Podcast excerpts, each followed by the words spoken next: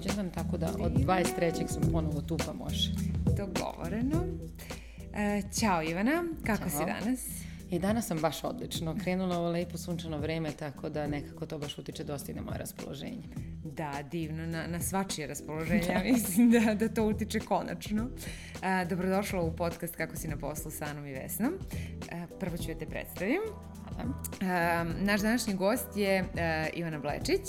Um, Ivano je teško predstaviti, ali ja ću da ovdje imam sažeto, pa ćemo onda da, da dalje ovaj, pričamo zajedno. Uh, ona je diplomirani, diplomirani inženjer Fakulteta organizacijonih nauka, magister ekonomskih nauka, bivša odbojkašica, NLP trener, sertifikovani coach i trenutno menadžer u jednoj internacionalnoj kompaniji sa višegodišnjim iskustvom u različitim uh, internacionalnim kompanijama. Uh, Ivana voli ljude i veruje da su oni suštinski dobri. E, najveće profesionalno priznanje za nju je kada ima priliku da e, im bude podrška na putu promena, e, promena i ličnog razvoja. A Ivana kaže da je njena svrha od uvek bila da uči, razvija i podržava timove i pojedince. E, meni je mnogo drago što si ti naš današnji gost, jer e, u ovom podcastu mi baš pričamo e, o tom ličnom razvoju i pričamo o tome koliko je važno da budemo dobro i da se dobro osjećamo dok dobro radimo, ne samo da tamo čekiramo neke taskove, nego da stvarno e, uživamo i da radimo sa nekog lepog mesta i da srećni ovi dolazimo i odlazimo s posla. I kad smo kod posla i te teme, reci nam kako ti e, postižeš da se baviš i NLP-om i coachingom i da imaš posao i da budeš majka, uspela si nedavno se popela i na Kilimanjaro, da. da budeš aktivna na svim tim e, poljima. Kako ti to polazi za rukom?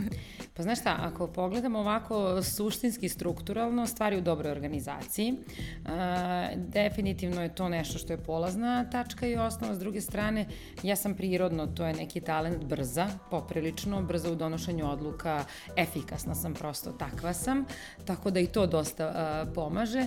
I ono treće, što ja mislim da je najvažnije, a ne da se baš tako lako objasniti, to je ja zaista volim sve te stvari koje radim i duboko verujem da je ljubav stvarno najveći pokretač za, za sve ono što radim u životu, tako da sve ovo što si negde navela i ispričala je nešto u čemu ja istinski uživam i što volim i onda kad toga ima, ima te energije ljubavi, ništa nije nemoguće.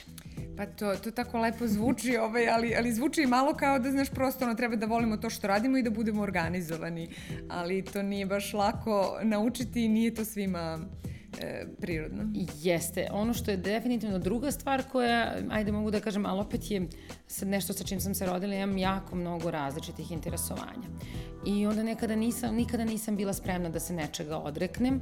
Znala sam da zato što nisam spremna da se nekih svojih interesovanja odreknem, možda ću platiti neku cenu, u smislu da popijem neku kafu manje sa drugaricom, da možda, kao što je bilo tokom studiranja, ja ne otputujem na letovanje kada moji prijatelji odlaze, znači tokom sporta, da ne odem na ekskurzije, znači za sve to što sam ja negde uspela da integrišem u svoj život, postoji neka cena koja je plaćena, ali ja negde kad to, a često stavljam na, na tas šta sam dobila, a šta sam investirala, jako sam zadovoljna sa, sa tim nekako što sam dobila kao rezultat, tako da je meni to sve u redu.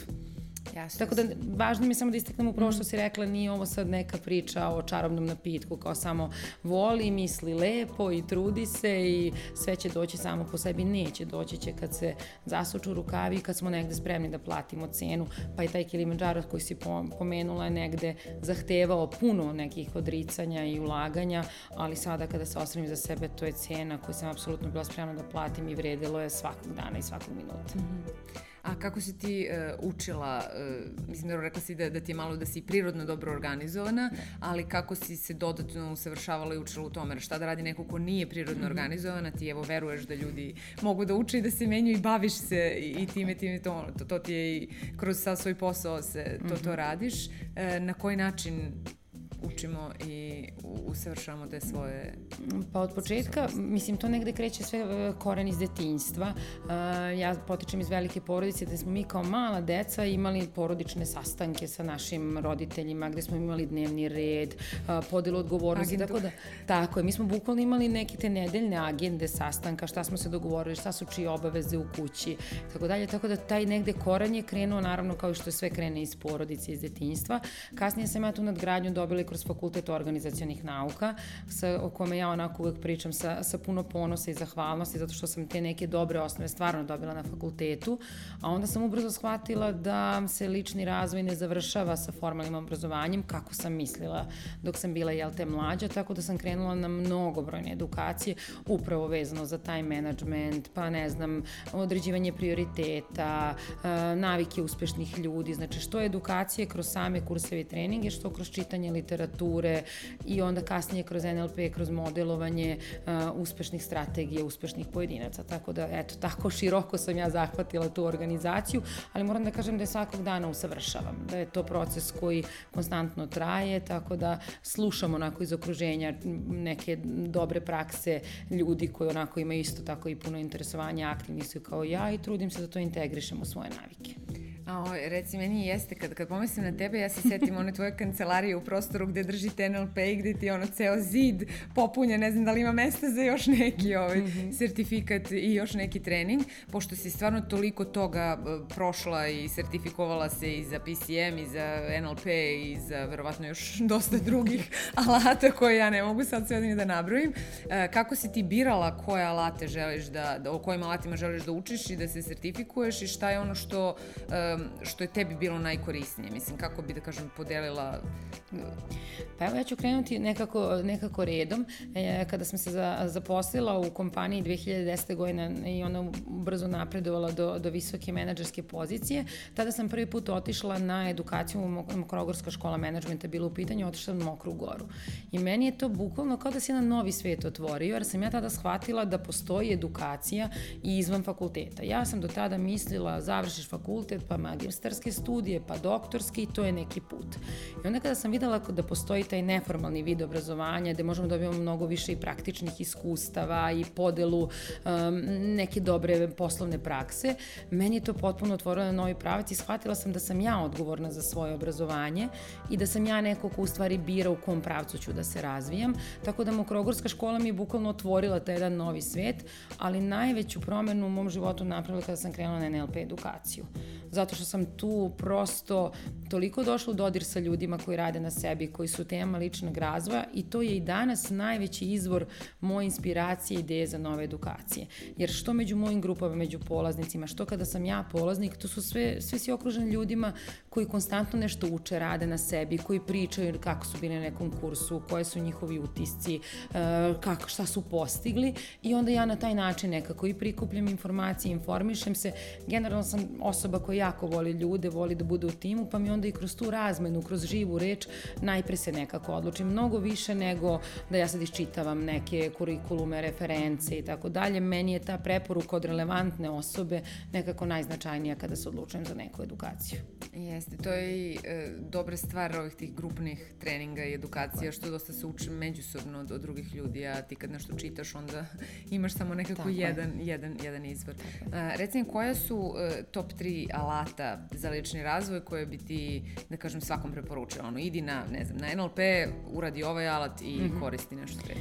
Pa sad ja ću biti ono kao pristrasna, ali to su definitivno alati koji ja najviše koristim u svom radu, pre svega NLP, zato što mislim da je nekako baza, ne zato što sam ja pristrasna, nego zato što, mm -hmm. evo, verujte mi, ja kada idem na edukaciju, upoznajem ljude, među ljudima koji su ovim, da kažem, pomagačkim, konsultantskim, trenerskim profesijama, prosto nema predavača koji nema bar neki nivo NLP-a, da li -hmm. basic, da li practitioner, da li master, jer je on nekako, ajde da kažem, toliko razvijen komunikacioni model i toliko efikasan da, da predstavlja bazu za, za, za sve dalje. Zatim, ono što je možda nešto za što sam se poslednje sertifikovala, ali je moja trenutno najveća ljubav, to je PCM metodologija, Process Communication Model, jer ja ga najviše koristim u svom radu u biznis okruženju za procenu ljudi, za prepoznavanje motivatora, za prepoznavanje okidača koje moje saradnike uvode u stres. Znači, to je nešto što stvarno baš sad profesionalno možda najintenzivnije upotrebljavam i jedan predivan alat koji nekako ostavi bez daha ljude, pogotovo u biznis okruženju, to je points of view, zato što je potpuno drugačiji, kreativan i za ljude koji su u poslu, pogotovo u korporacijama, gde smo mi dosta strukturirani, gde smo racionalni, analitični i logični, kada se uvede tako jedan alat koji je kreativan, zasnovan na fototerapiji, koji negde postiče tu desnu hemisferu mozga, maštu, viziju, to pravi ogromnu razliku i može dovede do značajnih uvida i do poboljšanja i komunikacije i odnosa i procesa, tako da je meni jako interesantno i sa njim da radim. Mm -hmm. Bude isprava malo kada, jer on je zasnovan na fotografijama, na karticama, onda kada ja otvorim e, taj alat i izvadim te kartice, onda kažu, pa šta si ti to počela da gataš? Ja kažem, nije nikakvo gatanje, ali na kraju se ljudi uglavnom zaljubljuju taj alat, pa kad prikupljam kartice, kad završim u vežbe, najčešće neće ni da mi ih vrate, kol mogu ovu da zadržim, tako da definitivno su ta tri alata nešto što najviše koristim. A, e, a reci mi, pošto dosta se diskutuje o tome da li možemo ljude da, da kažem kao grupišemo i generalno bi u psihologiji mm -hmm. dosta diskusije o tome, a PCM opet nas stavlja u te neke, mislim ti imaš neki svoj profil ličnosti, mm -hmm. koliko su, koliko generalno mi možemo da zaista nekog profilišemo i da kažemo ti si ovakav ili ti si ovakav ili, ili ne. E, ono zbog čega ja i obožavam PCM je upravo zato što ljude ne stavlja u, u kutije ili ti u fioke.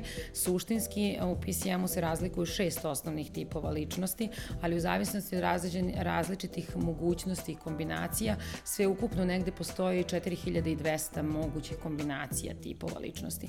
Čim sam ja to nekako spoznala i izučila, meni je to dalo jako veliko prihvatanje uopšte a, tom pristupu koji se zasniva na transakcionalnoj analizi, ali definitivno, znači sve m, upitnici koje sam do tada radila procene, imaš četiri tipa ličnosti, ti si jedan, drugi, treći ili četvrti. Mm -hmm. Za mene lično, pogotovo sa mojim širokim interesovanjima, to je baš bilo ograničavajuće i onda kada sam ja upoznala PCM kao polaznik na kursu, ja sam rekla ja zaista ne, moram da završim ovu edukaciju, jer on mene onako jako dobio kroz to što nas nije svrstao u šest kutija, već je dao prostora za različite i faze i mogućnosti kombinacija i u skladu sa tim je onako kao alat jako, jako širok. Da, a, recimo, pošto ti dosta baviš time i, i coachingom i koristiš te sve alate, mm -hmm. jel imaš ti svog coacha i jel dalje ideš na, na edukacije i na koje? Apsolutno. Idem na edukacije u kojima se, da kažem, dalje e, edukujem i usavršavam kako bih ja mogla držati određene treninge, ali ja kroz te edukacije takođe puno učim, ali definitivno nevezano od toga imam i kouča i kada za to postoji potreba kada imam neku temu, a uvek se u ličnom razvoju otvore neke teme i terapeuta. Ja lično volim gestalt terapiju, tako da evo i sada trenutno radim sa jednom terapeutkinjom i eto, jako sam zadovoljna. I prosto, pogotovo mi je to potrebno kao neko ko puno radi sa ljudima, ja puno toga, dosta sam empatična, puno toga i primim na sebe i onda mi je stvarno neizostavno da malo nekako imam tu neku svoju ličnu praksu gde sebe malo, što se kaže, i posložim i gde napravim taj neki reset, a naravno uvek imam i ličnih tema, tako da kao što ja drugima preporučujem da, da rade sa nekim, tako sam apsolutno svesna da je to meni potrebno.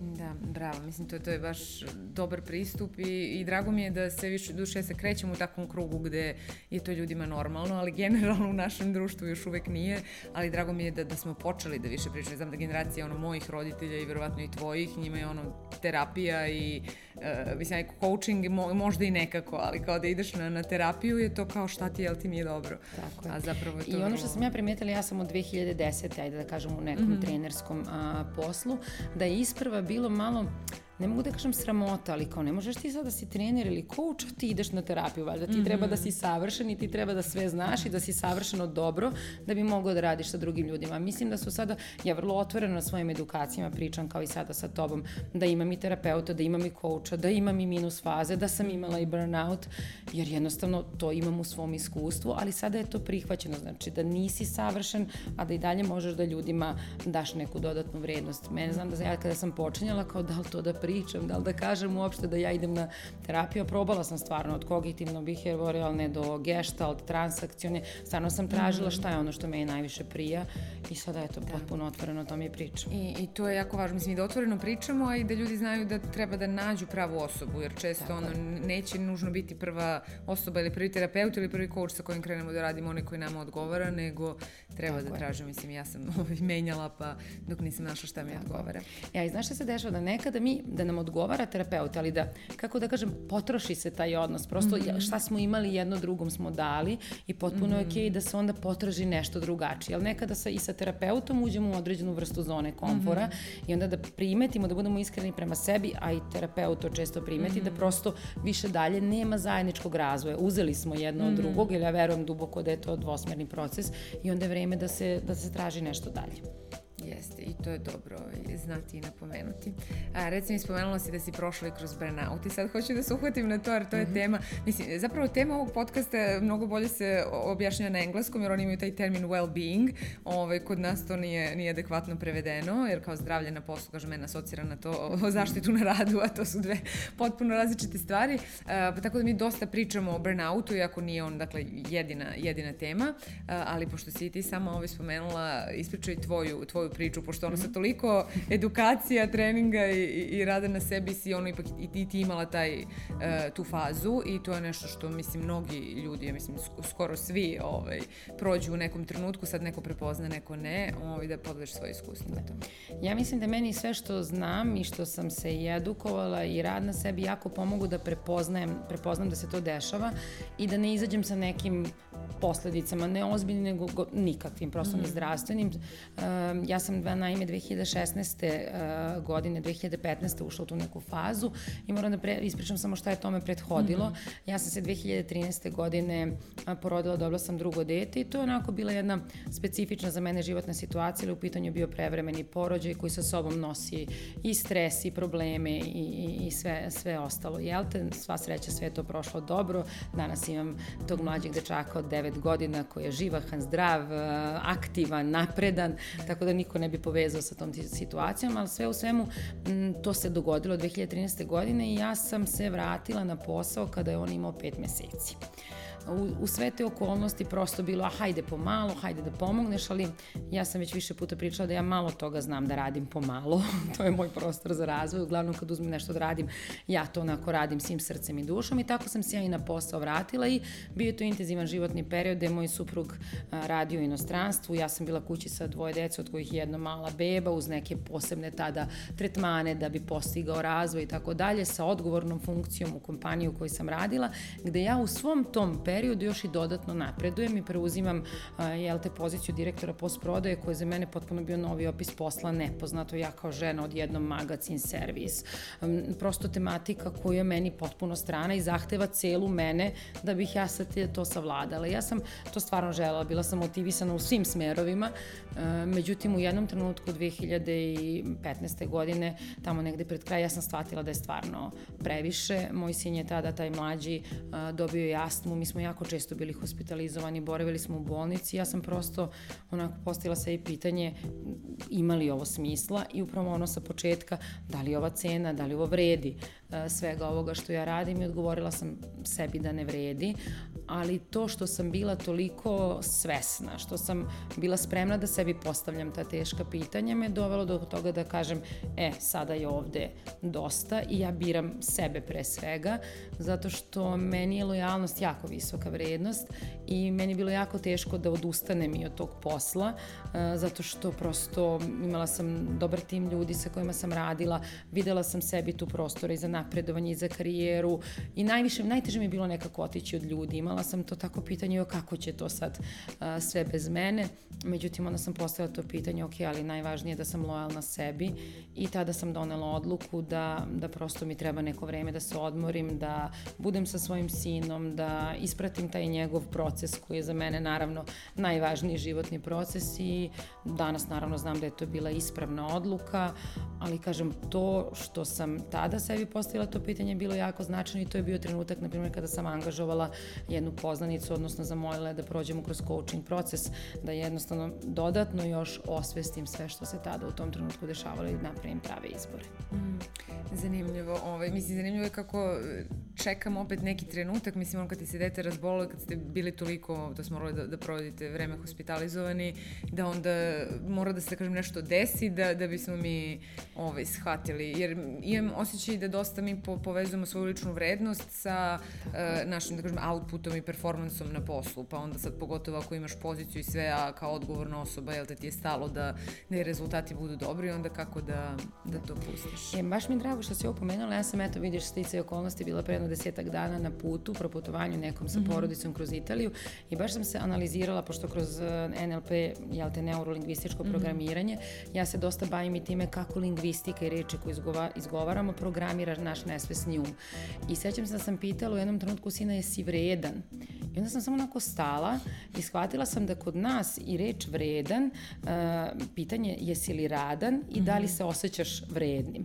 Znači, kod nas smo i lingvistički programirani da vredan u stvari znači radan, što znači da ukoliko nismo radni, mi ne vredimo. I onda potpuno na nesvesnom nivou smo negde programirani upravo na to o čemu ti pričaš, mm. da mora da se da neki performans, da mora da se da neki rezultat. I onda sam baš tad sa svojim sinovima rekla, vi ste uvek vredni, nego da li si mhm. radan. Prosto da napravim tu razliku, da, da, da nema ni tog nesvesnog mhm. povezivanja, da moramo nešto da radimo i da doprinosimo da bismo zaista vredili.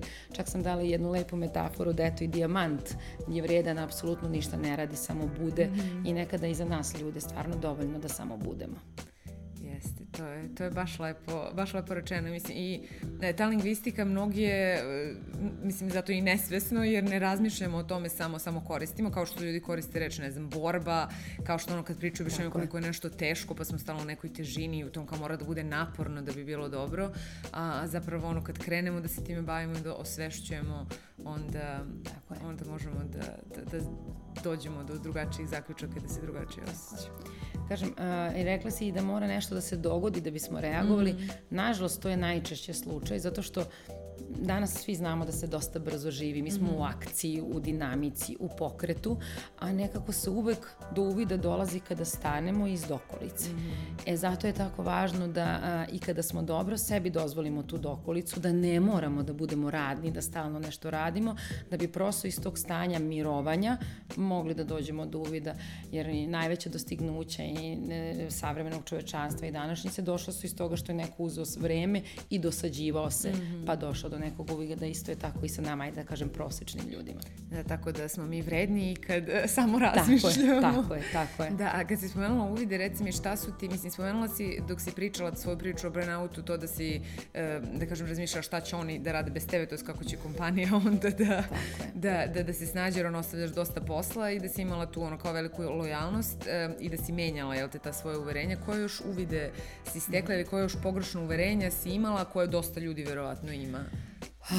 Pa znaš kako, ja sam to dosta povezala, puno mi je pomoglo znanje iz PCM-a, jer ja u trenutku kada, kada sam tamo radila, ja sam bila u toj tinker fazi samo ću da ne opterećujem, ali mm -hmm. da mhm. kratko objasnim, tinkeri su osobe kojima je jako važno da znaju, da imaju puno informacija, da su uvek dobro pripremljeni i osnovna psihološka potreba tinkera jeste negde priznanje rada i rezultati na radu. Tako da ja definitivno u tom trenutku po svoj dominantnom faznom tipu ličnosti sve me je vodilo uh, ka poslu i onda sam ja uzela prosto da iščitam taj svoj izveštaj sa, sa PCM profila gde upravo govore kako izgleda tinker u stresu. Mm -hmm. I tinker u stresu je neko ko ne delegira, ko preuzima sebi previše odgovornosti na sebe, ko je ono dajte meni, ja ću to najbolje. Ja sam sve te elemente prepoznala mm -hmm. i gde to može da odvede. Tako da i to znanje koje sam ja imala, da kažem, pasivno, negde sam bilo je potrebno da podignemo aktivu, da mm -hmm. dovedem ponovu svest, da pročitam sebi,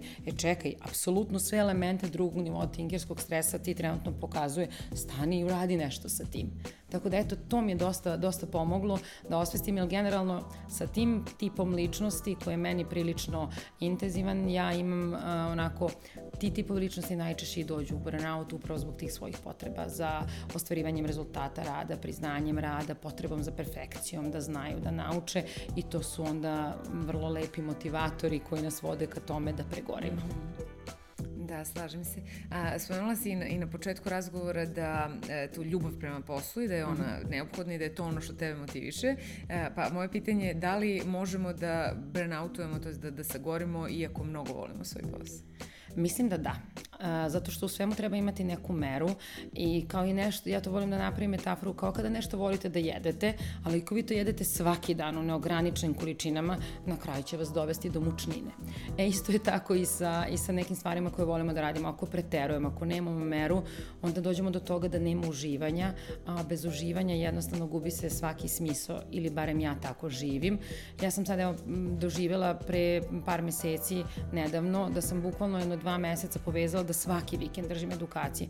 Ja sam stvarno došla u fazu da kažem, jo, jel mora ovaj vikend, vidi kako je lepo vreme, nešto bih drugo radila i primetila sam da nisam prisutna. Ja sam rekla, Stanja, i odmori bar jedan, dva, tri vikenda da ponovo dobiješ tu želju i to sam i uradila i negde prošle vikend sam imala edukaciju i toliko sam uživala, jer bukvalno je ponovo to bila ljubav, a ne prisila i neki tempo koji se ne da izdržati mislim, odlično, dobro je da, da to, ali da, mislim, ti, ti se i baviš time, pa onda možeš da prepoznaš i možeš da imaš akciju koja će te dovesti do toga. E, reci mi za kraj, pošto ovaj, nemaš puno vremena, mm -hmm. šta su neke stvari koje ljudi koji možda nisu prošli sve edukacije mm -hmm. koje si ti prošli, ne bave se toliko sobom, mogu da uh, urade da bi uh, bili motivisani, inspirisani, da bi se naterali da, da pauziraju kad treba i da bi bili ovaj, da srećni i puni energije kao ti i, i tako iz dana u dan i na poslu i van posla. Pa da. Mm, ono što naj, najviše osvešćuje, a vrlo je jednostavno, da samo stavimo paralelu, mi nekako ne shvatamo da je vreme resurs koga imamo najmanje i jedini resurs koji ne možemo u nedogled uh, povećavati i resurs o kome nemamo svest koliko ga imamo. Tako da je tu jako pomaže da se stavi prosto jedna jednostavna jednakost, a to je vreme jednako život i da, jer mi često odlažemo, misliću o tome sutra, jednoga dana ću se odmoriti, jednoga dana završit ću hobi, odnosno upisat ću se na neki hobi koji želim, jednoga dana otputovat ću tamo i samo da shvatimo da taj jedan dan uopšte ni ne znamo da li ga imamo i da je sve što imamo ovaj današnji dan i da shodno tome negde po ličnom osjećaju, po tom prisustvu u sadašnjem trenutku donosimo odluke koliko smo dobro, a ne samo da li smo drugima dobri, bilo da su to drugi kompanije, prijatelji, porodice, kogod. Ja stvarno mislim da je prva stvar da postavimo sebi pitanje da li smo sebi dobri jer od toga nekako sve počinje i ja to nosim iz sporta da je jako važno da u tom procesu kada treniramo da je koliko je važan kvalitetan trening, toliko je važan kvalitetan odmor. Ako nema kvalitetnog odmora, može trening da bude najbolji na svetu, jednostavno nećemo imati zadovoljavajuće rezultate. Tako da ako to nekako prenesemo u ovaj poslovni kontekst, u poslovno okruženje, koliko je važno da, da, da, da smo posvećeni svom poslu, motivisani, kvalifikovani, da se usavršavamo i napređujemo, toliko je važno da se kvalitetno odmorimo, da bukvalno napunimo baterije, da bi sve to što naučimo mogli i da primenimo, a da pritom ostanemo a, dobro. Ima, ja obožavam metafore, to si vjerojatno do sad ishvatila, ali ima jedna divna metafora da ne možemo samo da uđemo u šumu i da sečemo, sečemo, sečemo, sečemo, da je nekada zaista potrebno izaći iz šume, naoštriti a, sekiru da bi mogli da se vratimo i da budemo još efikasniji u protivnom negde otupimo. Tako da ja stvarno vidim odmor kao priliku da izađemo iz šume, da se naoštrimo i da se još bolje i kvalitetnije vratimo u tu šumu. Apsolutno. Hvala ti mnogo i hvala, hvala što tebi. si bila moj današnji gost. Mislim da smo ovaj podelili dosta e, korisnih stvari i bili bar zagrebali neku maštu da, da krene da dalje uh, uči i saznaje na ovu temu. Hvala tebe što si me pozvala. Molim. Uh, hvala i vama što nas gledate i slušate i vidimo se za nedelju dana na istom mestu. Do tada, budite nam dobri.